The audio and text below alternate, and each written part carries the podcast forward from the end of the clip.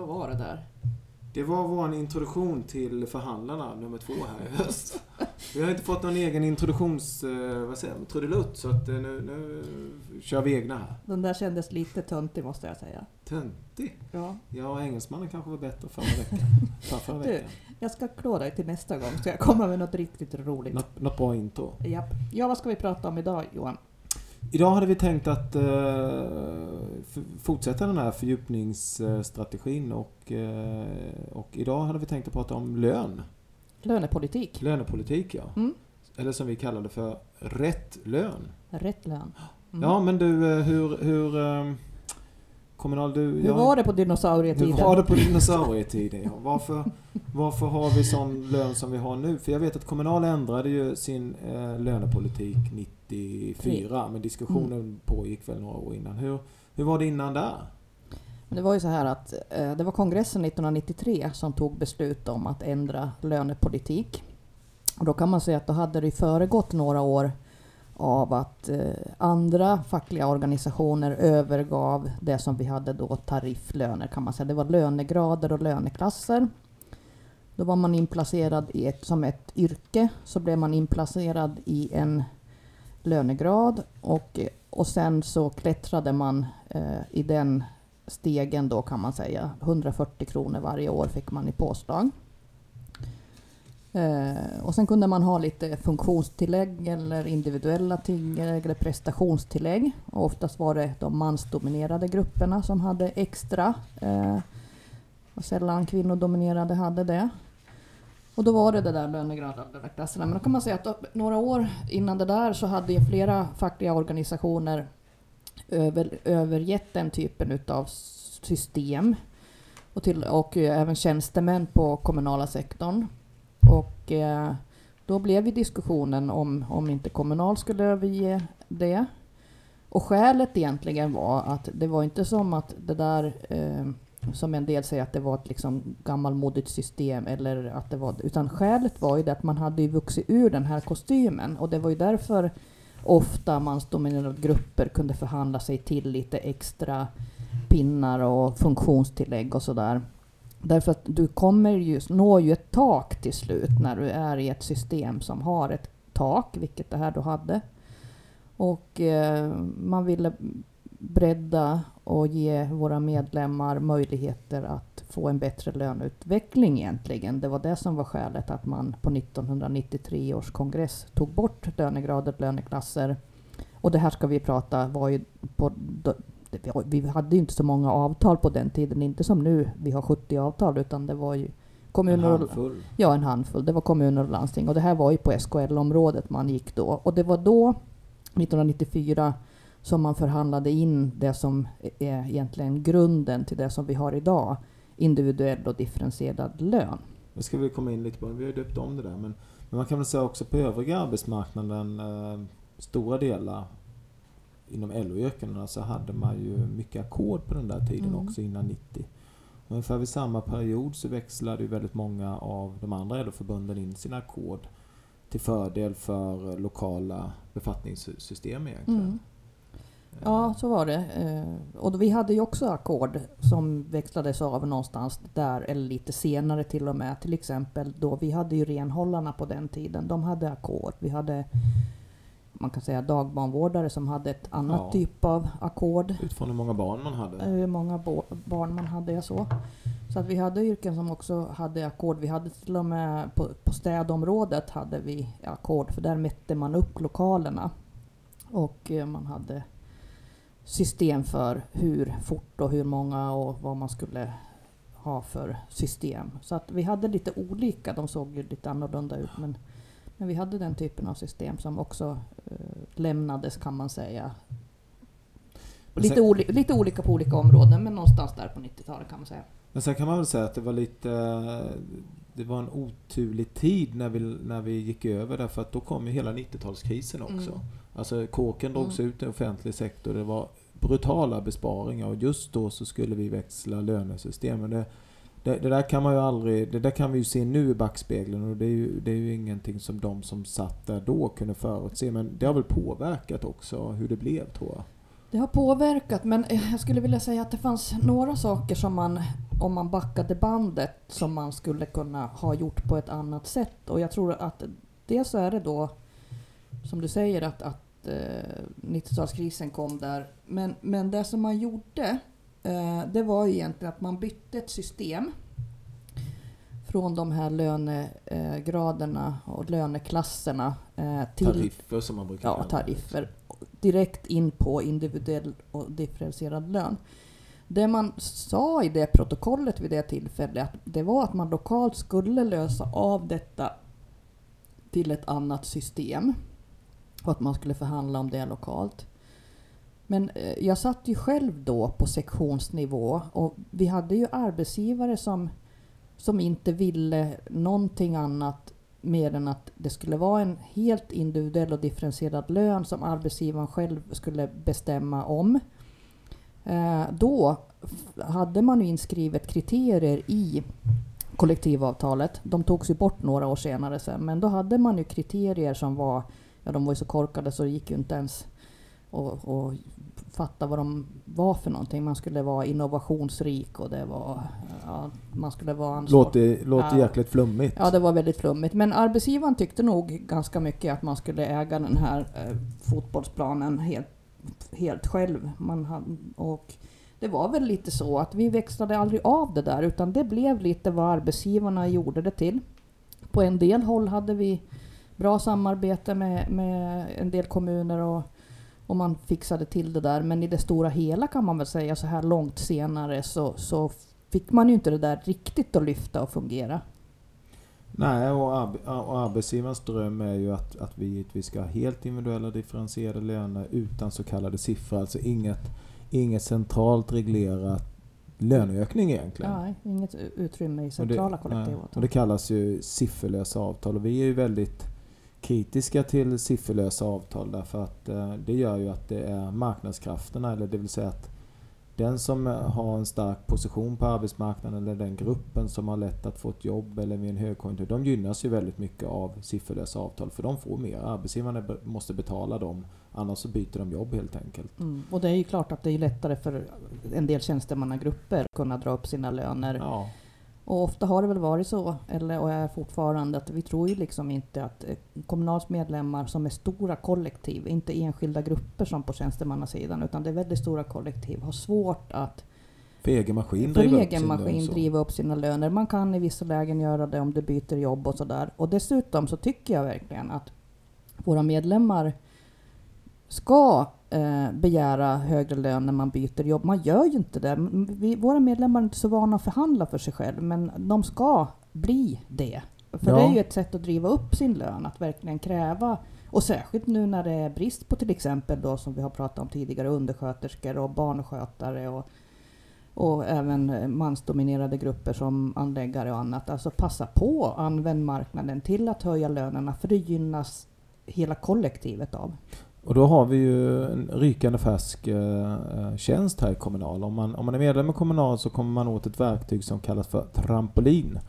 Och det kommer du åt via Kommunals hemsida och eh, via BankID tror jag det är. Och då via Trampolin så räcker det med att man söker i, man, man fyller i vad man kan och vad man är ute efter på ett ställe. Sen ser Trampolin till att, att matcha det mot alla lediga jobb som egentligen finns på alla olika sajter. Och man får tips om hur man skriver ett bra CV och personligt brev och sådär. Det där är ju liksom ett steg eller en del i vår lönepolitik att även våra medlemmar ska kunna byta jobb om, om de vill. Och nu tillhandahåller vi då det till våra medlemmar. hittar man det där då? Även på kommunal.se hittar man det. Nu tittar jag på vår sufflör här. På kommunal.se sufflör. Kaua här som sitter och, och håller i tekniken åt oss. Sufflör, det var ett jäkla namn. Ja. Ja, men du, vår lönepolitik då, den, den, vad, vad, vad- Ja. om vi hade sådana här löneklasser då, vad, vad är vår strategi framåt? Vi har ju sagt att man kan ha tre olika system i våra centrala avtal. Det ena är ju att vi säger att man kan ha de här gamla tarifflönesystemen och egentligen så har vi Man behöver inte säga gamla, de är, Nej, men de är, ja, men vi har, ja, ja, ja, men, ja men precis. De är En inte alls gamla. De, de är jättebra. Ja. De medlemmar som har de här tarifferna, de gillar dem jättemycket och det är inom trafiken och det är våra chaufförer, övrig personal har inte tariffer. Och sen har vi inom sotarna har vi och inom gamla Lantarbetarförbundet Mm. har vi tariffer. Mm. I övrigt så, så har vi framförallt det vi kallar för fördelningssystem eller individuella löner. Mm. Mm. precis. Eh, ja, och då är det väl så att det som... Ja, om man backar tillbaka, nu pratar vi på 1994 års eh, när man förändrade de här. Sen har vi haft några lönepolitiska utredningar efter det. Men framförallt det som vi kan stå för, du och jag, är ju det som kongressen tog beslut om mm, För, för kongressen. för förra 2013. Och då eh, kan man väl säga att vi skruvade ganska mycket i lönepolitiken eh, mot mer ordning och reda och mer eh, inflytande kan man säga. Och de lönepolitiska målen som vi fattade beslut om och eh, som våra medlemmar då, de var ju involverade. Vi hade ju väldigt mycket arbete. Vi jobbade ju med det här tre år gjorde vi. Eh, så det var många som var involverade i, i det här jobbet. Massvis av, av eh, lönepolitiska konferenser med förtroendevalda och medlemmar. Och, Hej och hå. Ja, och det man det landade i de här målen, då det var ju det som vi, kan komma, vi kommer ju komma till lite grann vad, hur långt har vi kommit med de här olika målen, men det var ju att eh, yrkesutveckling, Eh, det som vi pratar om, att man ska kunna utvecklas i sitt yrke eh, och med eh, yr, när du utvecklas eh, så ska du också mm, ha en löneutveckling som är kopplad till din yrkesutveckling och det är när du utvecklas i ditt yrke. nu letar jag efter papperna här, men yrkesutveckling handlar ju också precis både om, om hur man utvecklas i sitt yrke, men också att Kommunal ska ha strategier för vilken utbildning man ska ha när man får ett jobb. Vi har ju några gymnasieprogram som, som är ganska tydliga vad man, vad man blir för yrke. Det är till exempel ehm, eh, om man går vård och omsorgsprogrammet så blir man undersköterska och, och går man kockprogrammet eller vad det nu heter så, så kan man bli kock. Men sen finns det andra yrken inom Kommunal där det är betydligt svårare. Vad, vad är det för, för utbildningskrav för det här yrket? Därför att, därför att arbetsgivarna har krav på yrkeskompetens och det ser vi över. Plus att vi då ehm, försöker hitta hur kan våra medlemmar kompetens och yrkesutveckla sig när man är i yrket. Ja, och det ska vi prata om i ett senare avsnitt som Ska vi? heter utbildningspolitik. Ja men shit, och Rätt här, här utbildning. håller jag på att breda ut mig Ja. om yrkesutveckling. Nu pratar vi om lön. Ja visst. Mm. Men yrkesutveckling ska ju då ge löneutveckling. Det är ju Ja, det som är precis. eh, tanken. Eh, och sen har vi det andra målet eh, Eh, som lön, som, där vi pratar om löneutveckling. Och det sägs ju ganska självklart mål egentligen att man ska ha löneutveckling. Eh, och det handlar egentligen om det som du pratade om alldeles nyss, att vi, vi, vi slår fast att vi ska ha siffror i vårt avtal, i det centrala avtalet, där man fastställer vilken eh, lön och löneutveckling. Sen är det ju individuell och differentierad lön såklart, men, men att utrymmet finns och att våra medlemmar ska ha löneutveckling. Och att vi räknar ut ett krontal är viktigt också. Ja. Det vill säga att det är samma krontal på alla arbetsplatser som varje medlem genererar till de individuella lönerna kan man säga. Vi skickar inte ut en procentsats. Och, och, och syftet med att man har ett krontal är att man, att man trycker ihop. Liksom. Vi vill ju att det ska lika lön för lika arbete. Och det ska inte egentligen spela någon roll om du är barnskötare i Luleå eller i Braås där jag är ifrån. Nej. Och sen så har vi det sista målet då som också är rätt så självklart och det är det som vi säger då, eller kallar för rätt lön. Och då säger vi att eh, våra medlemmars löner ska höjas mer än jämförbara mansdominerade grupper i privat sektor. Och då kan man väl säga, vi kommer ju komma till det om en liten stund, men undersköterskesatsning är ju till Mm. exempel en del av det. Låglönesatsningen också som har varit, som vi har kört med, kört med, vi har förhandlat om i år.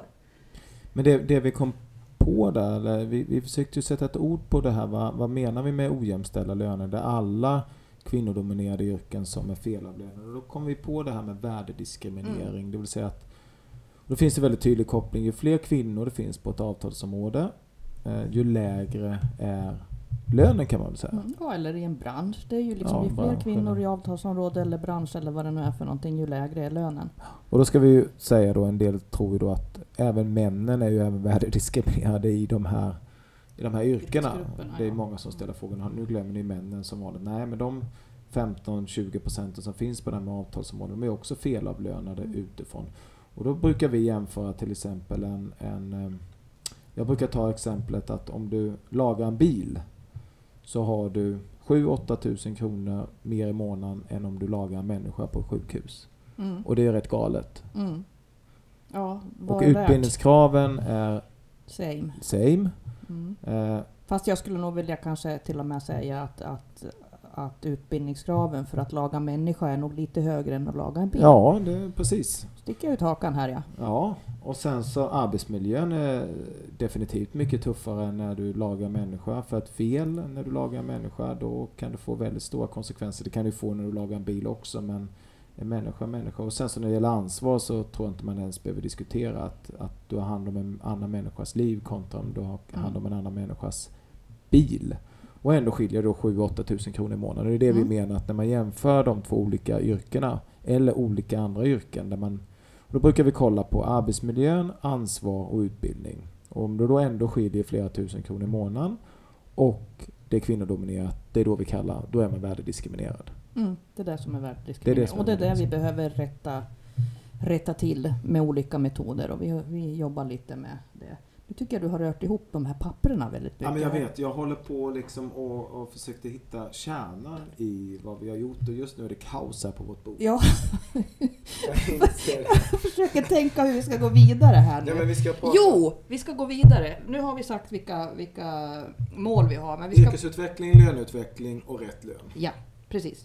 Men då, nu var det ett tag sedan, eh, 2013, fastslog vi den här eh, lönepolitiken. Och då tänker jag så här att vi skulle kunna prata lite grann om vad har vi gjort nu de här åren eh, för att liksom komma till rätta? Man kan ju skriva mycket fina rapporter och dokument men Ja. man ska ju helst upp, Papperstigrar. man kan ju, man ska ju helst uppfylla dem också. Men det måste vi väl ändå säga att vi gör inga sådana där pappersgrejer utan vi gör något som vi sen jobbar stenhårt med framåt. Det är eh, bara resultatet som räknas. det är resultat som räknas.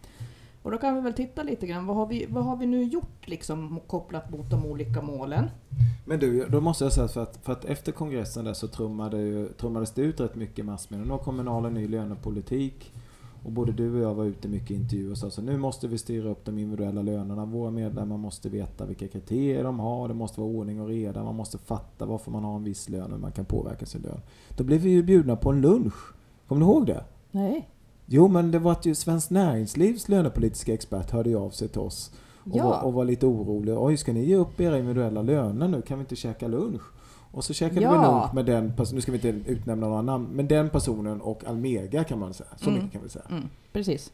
Då de undrar, kan, kan vi inte göra någonting ihop? Mm. Men det kan man säga att det var ju ett, ett arbete vi höll på med ganska länge som blev väldigt, väldigt bra. Och då kan vi säga att vi gjorde ett lönearbete med Almega som sen har landat i att vi faktiskt har nya löneavtal. Men vi har också ett utbildningsmaterial som vi har gjort ihop med Almega som en, som, som en, en ledstjärna, riktlinjer för hur man lokalt kan arbeta med lön och lönesättning. Och egentligen så landade ju, vi konstaterar ju där att vi var ju väldigt överens om att det ska vara transparent och att det ska vara ordning och reda eh, och man ska veta varför och hur och på vilket sätt man blir lönesatt. Det är det som liksom eh, vi står för, både Ja. vi och Almega. Så att det där blev ju väldigt bra arbete tillsammans efter då den där.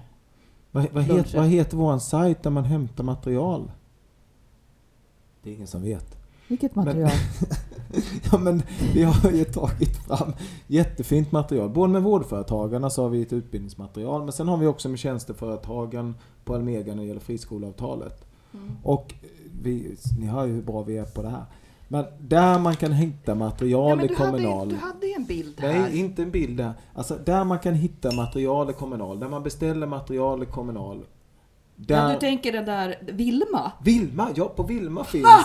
Det var jag som kom på Ja men det är bra. Men på Vilma finns då eh, vårt utbildningsmaterial som vi har gjort tillsammans med vårdföretagarna.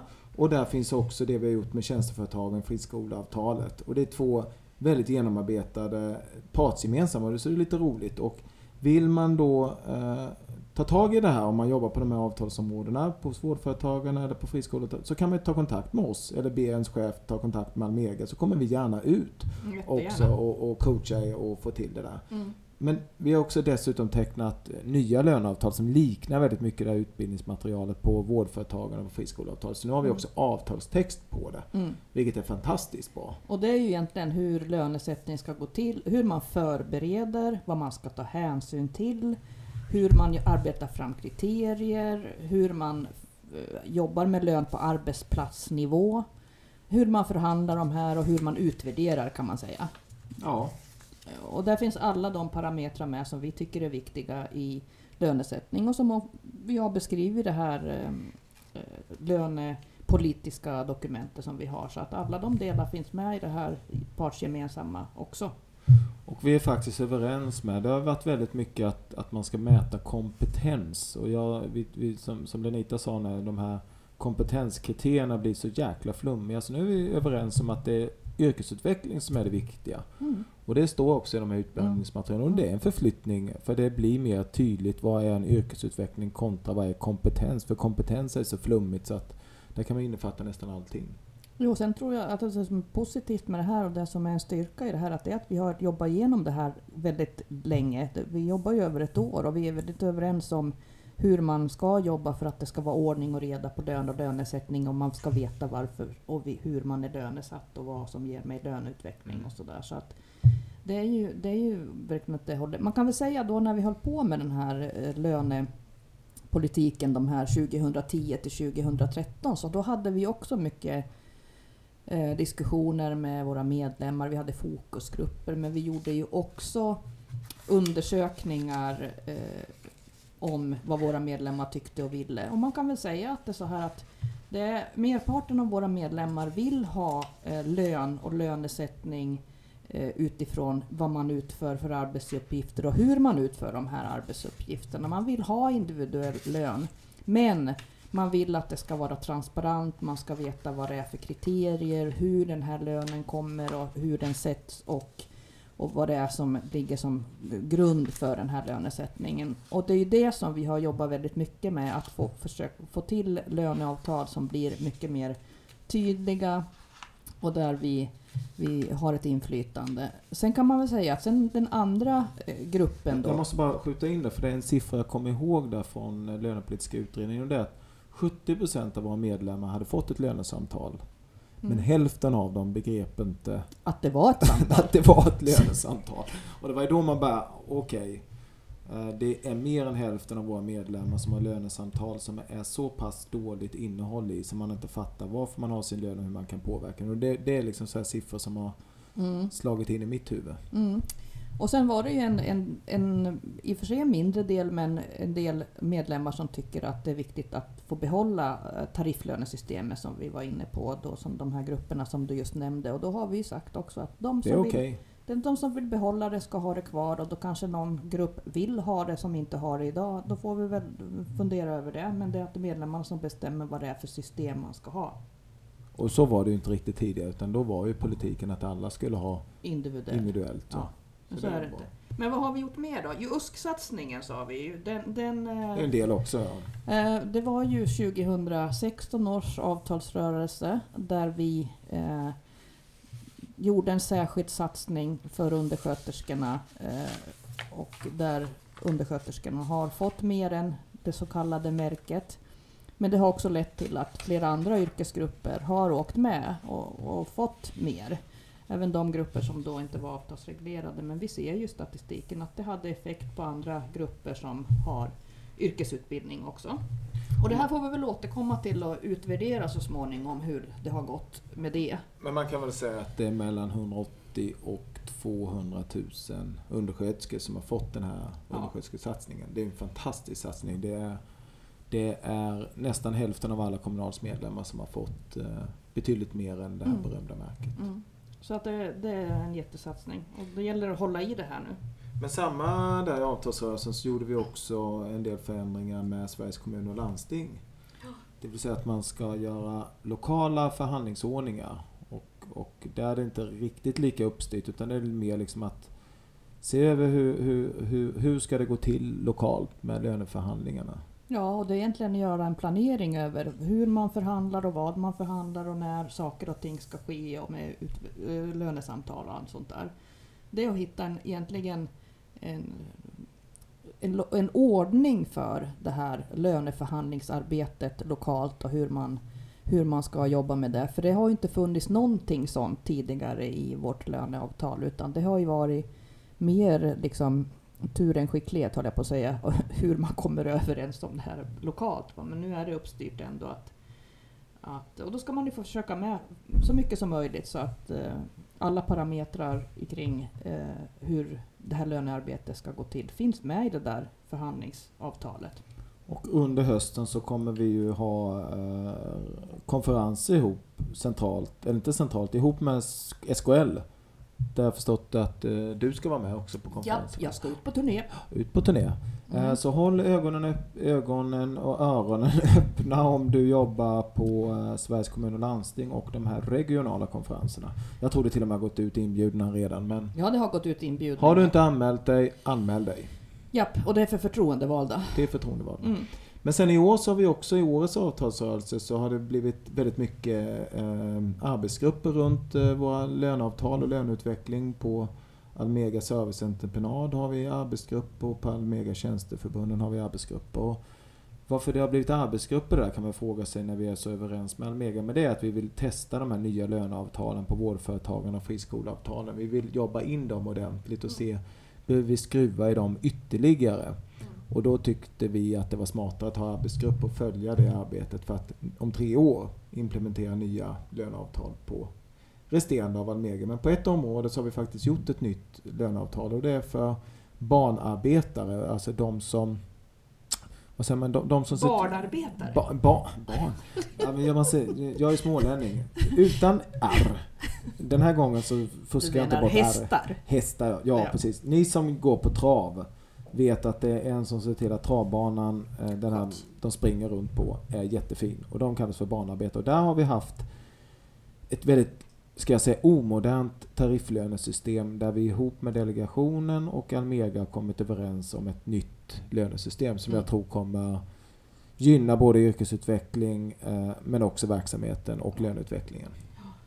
Ja, sen är det ju flera. Egentligen kan man säga, nu, nu var det här ett litet axplock, men i princip nästan på varje område på, hos varje arbetsgivarorganisation har vi gjort något typ av arbeten och kommer att fortsätta med det. Eh, vi, vi påbörjade ju på en del områden redan förra året, de här arbetsgrupperna, och kommer att fortsätta även på, på fler områden. Så att det här är ett systematiskt ar, ett arbete som kommer att fortsätta. Och för oss är det ju viktigt för att nå målen i, i våra lönepolitiska strategier. Det är ju att kunna fortsätta och skruva i löneavtalen så att de blir så pass bra som de bara kan bli och att våra medlemmar kan vara nöjda med sin lön och lönesättning. Och sen har vi också i, ehm, i för att få ut vår lönepolitik, förutom det vi Även om, om, om vi lyckas göra en genombrytning och förändring av våra centrala avtal så blir vi ju inte starkare än att vi lyckas få till ett bra lönearbete på arbetsplatsen, det vill säga ihop med våra medlemmar. Och då finns det eh, lite utbildningar man kan gå. Dels så håller vi nu på att ta fram en löneförhandlarutbildning. Det vill säga att vad ska man tänka på inför en löneförhandling? Hur ska man förbereda sig? Allt från hur ser genomsnittslönen ut på den här arbetsplatsen?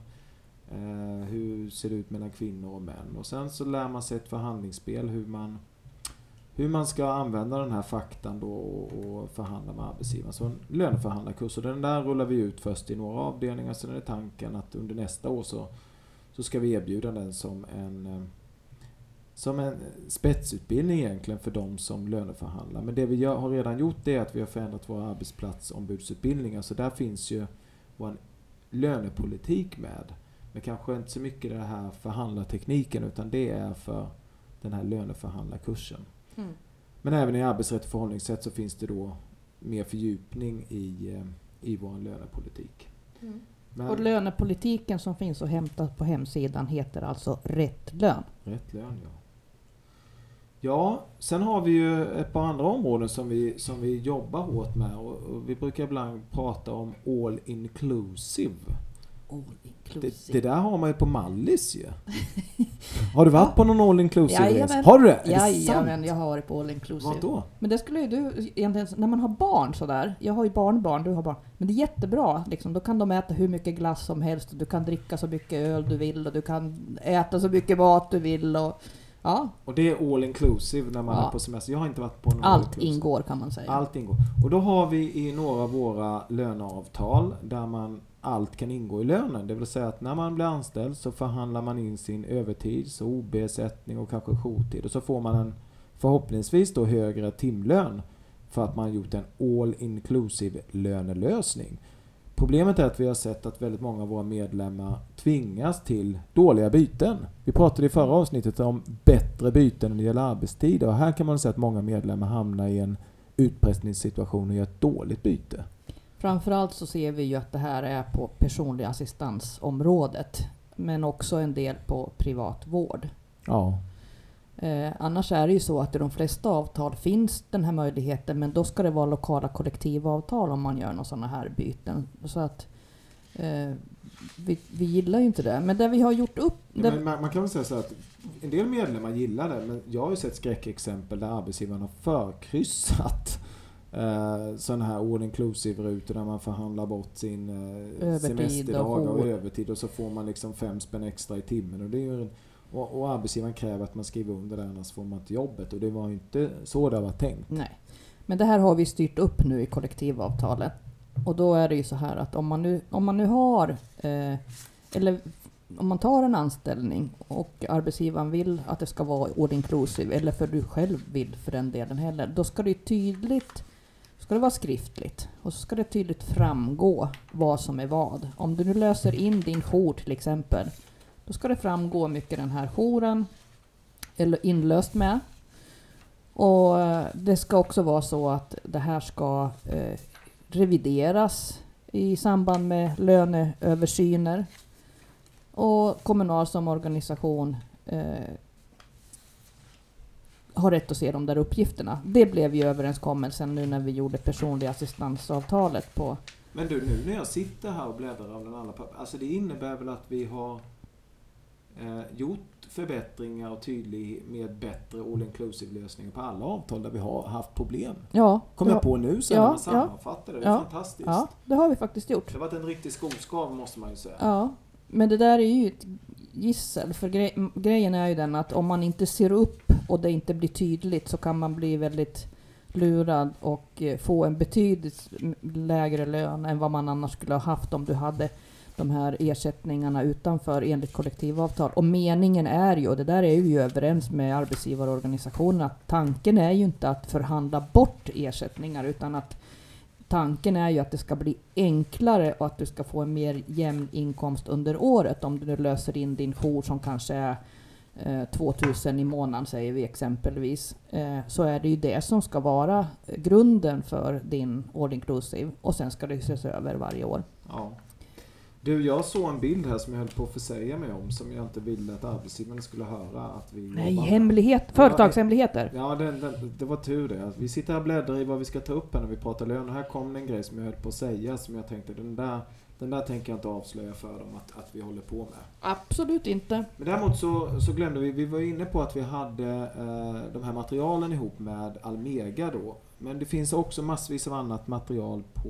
eh, Kom in. På, kom in. Ja, eller vad hette det? Vilma. Vilma. Ja, och bland annat så finns det en kortlek man kan ha eh, där vi ställer frågor om lönen som man har på fikarasten. Det är på arbetsplatsen. Mm. Och det finns material för förtroendevalda, det finns material för den som ska löneförhandla och det finns material för medlemmarna. Och Mm. allting det där kallas för snacka lön eller helt rätt lön eller helt enkelt lön. Så det finns Mm. massvis av material runt lönearbetet. Ja. Och jag tror att det är jätteviktigt att vi alla eh, i den här organisationen jobbar med just lönefrågorna, för de är ju eh, jätteviktiga för att eh, vi får upp lönerna för våra medlemmar helt enkelt. Men Och- du, jag, ja, förlåt. Mm. Jag brukar få en fråga från eh, arbetsgivare. Vet du vad den är? Nej. Då, då säger de så här, ja det där var ju jäkla smart av er att peka ut en grupp undersköterskor, bilda opinion för acceptans och trycka igenom det där. Har ni någon ny grupp i rockärmen? Mm. Har vi det? Ja, Har vi det? jajamän. Jaha. Mm. Ja, Det är jag- Då låter jag förvånad. Ja. Det är företagshemligheter. Ja. ja, precis. Nej, men man ska väl säga så här att det är väl inte så hemligt, men jag tror att vi undersköterskorna, när vi då bes- bestämde undersköterskesatsningarna, handlade ju egentligen om att vi har i flera år jobbat med själva yrkesutveckling och yrkesrollen som undersköterska, att höja status, Titta på vad det är för utbildningar. Vi har ju jobbat med legitimationsfrågan och så. Så att vi har ju jobbat med den väldigt länge. Och då var det ganska naturligt steg att koppla på en eh, högre löneutveckling än vad övriga grupper har. För att det här undersköterskor, som vi var inne på tidigare, är ett bristyrke idag och man behöver fler som ska utbilda sig till det här och vi behöver fler utbildade inom vård och omsorg. Så det var ju skälet egentligen och det var ju också skälet att vi kunde göra den här satsningen tillsammans med arbetsgivarorganisationen. Att man såg undersköterskor som en viktig grupp för vård och omsorg eh, som man inte kan vara utan och vi behöver fler som ska utbildas. Ja, då kan man väl säga att, att det här var ju vårt svar på sifferlösa avtal. Det, det vill säga, att istället för att använda Många marknadskrafterna och eh, eftersom vi vet att undersköterska är ett bristyrke så kunde vi ha sagt att vi kör sifferlöst och så får det bli vad det blir. Men vi tror ju på en öppen och transparent lönebildning där man tydligt redovisar vilka mm. grupper man vill höja med märket och varför man vill göra det och på vilket sätt. Vilket den här vägen då var istället för många andra som tar smitvägen och kör sifferlöst. Exakt. Och man kan väl säga om man nu, jag fick frågan här om dagen av en journalist om vi ska fortsätta med den här typen av satsningar. Då säger jag så att vi får ju såklart utvärdera vad den här undersköterskesatsningen har gett.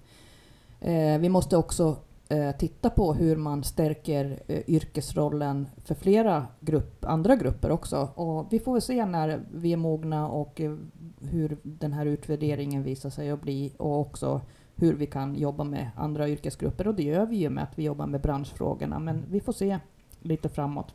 Ja, för nu går vi in i, nu har vi ju, nu har vi ju lyckats med den här undersköterskesatsningen på alla avtal där vi har undersköterskor. Det vi har kvar då det är ju privat äldreomsorg och hälso och sjukvård till våren. Mm.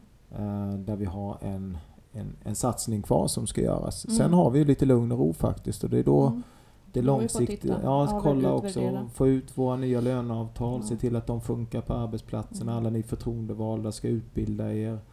Eh, och, och, få igång det här lokala arbetet. För att annars riskerar de här ganska bra centrala avtalen på Almega, på SKL och på andra områden faktiskt bli papperstiger. Utan det är ett gediget tufft arbete och det måste utgå från arbetsplatsen. Det går inte satellitstyra de här löneavtalen från en avdelning eller sektion. Jag tror att det är jätteviktigt också i det lokala arbetet nu att titta på att, att eh, många har ju förhandlat inom befattningslöner eh, och att det är ett läge för de här grupperna nu att säkerställa att det finns en nivå, förhandla fram befattningslöner där man inte har förhandlat fram det. Men också, som vi ser, är jätteviktigt att bevaka de nyanställdas löneläge.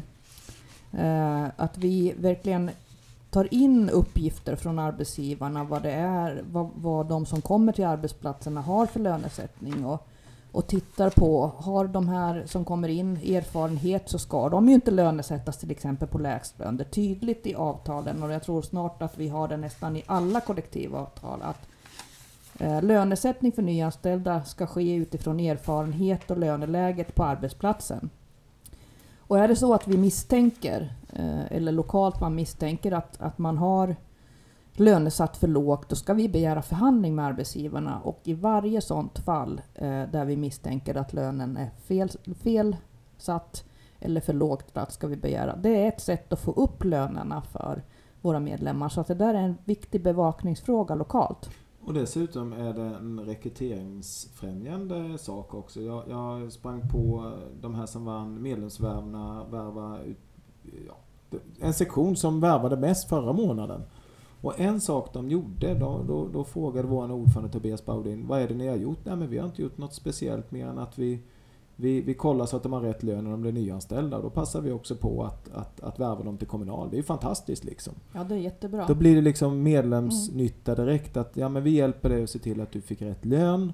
Vi tar en förhandling för dig om du har fått fel lön och du blir nyanställd. Men ska du inte också bli medlem i vår förening? Det är liksom så jäkla enkelt. Nytta med nöje. Ja, och det borde vi göra på varenda nyanställd och kommunal. Och då måste ju många göra det. De måste vara förtroendevalda, de här mm. 22-23 000 vi har på arbetsplatserna, göra det här jobbet. Ja. Jätteviktigt jobb. Det här är ett, ett viktigt uppdrag för arbetsplatsombuden. Ja, det är mm. jätteviktigt. Och det kan man säga att, att det har ju arbetsplatsombuden om man bara har gått några få utbildningar faktiskt rätt att förhandla nyanställdas löner. Mm.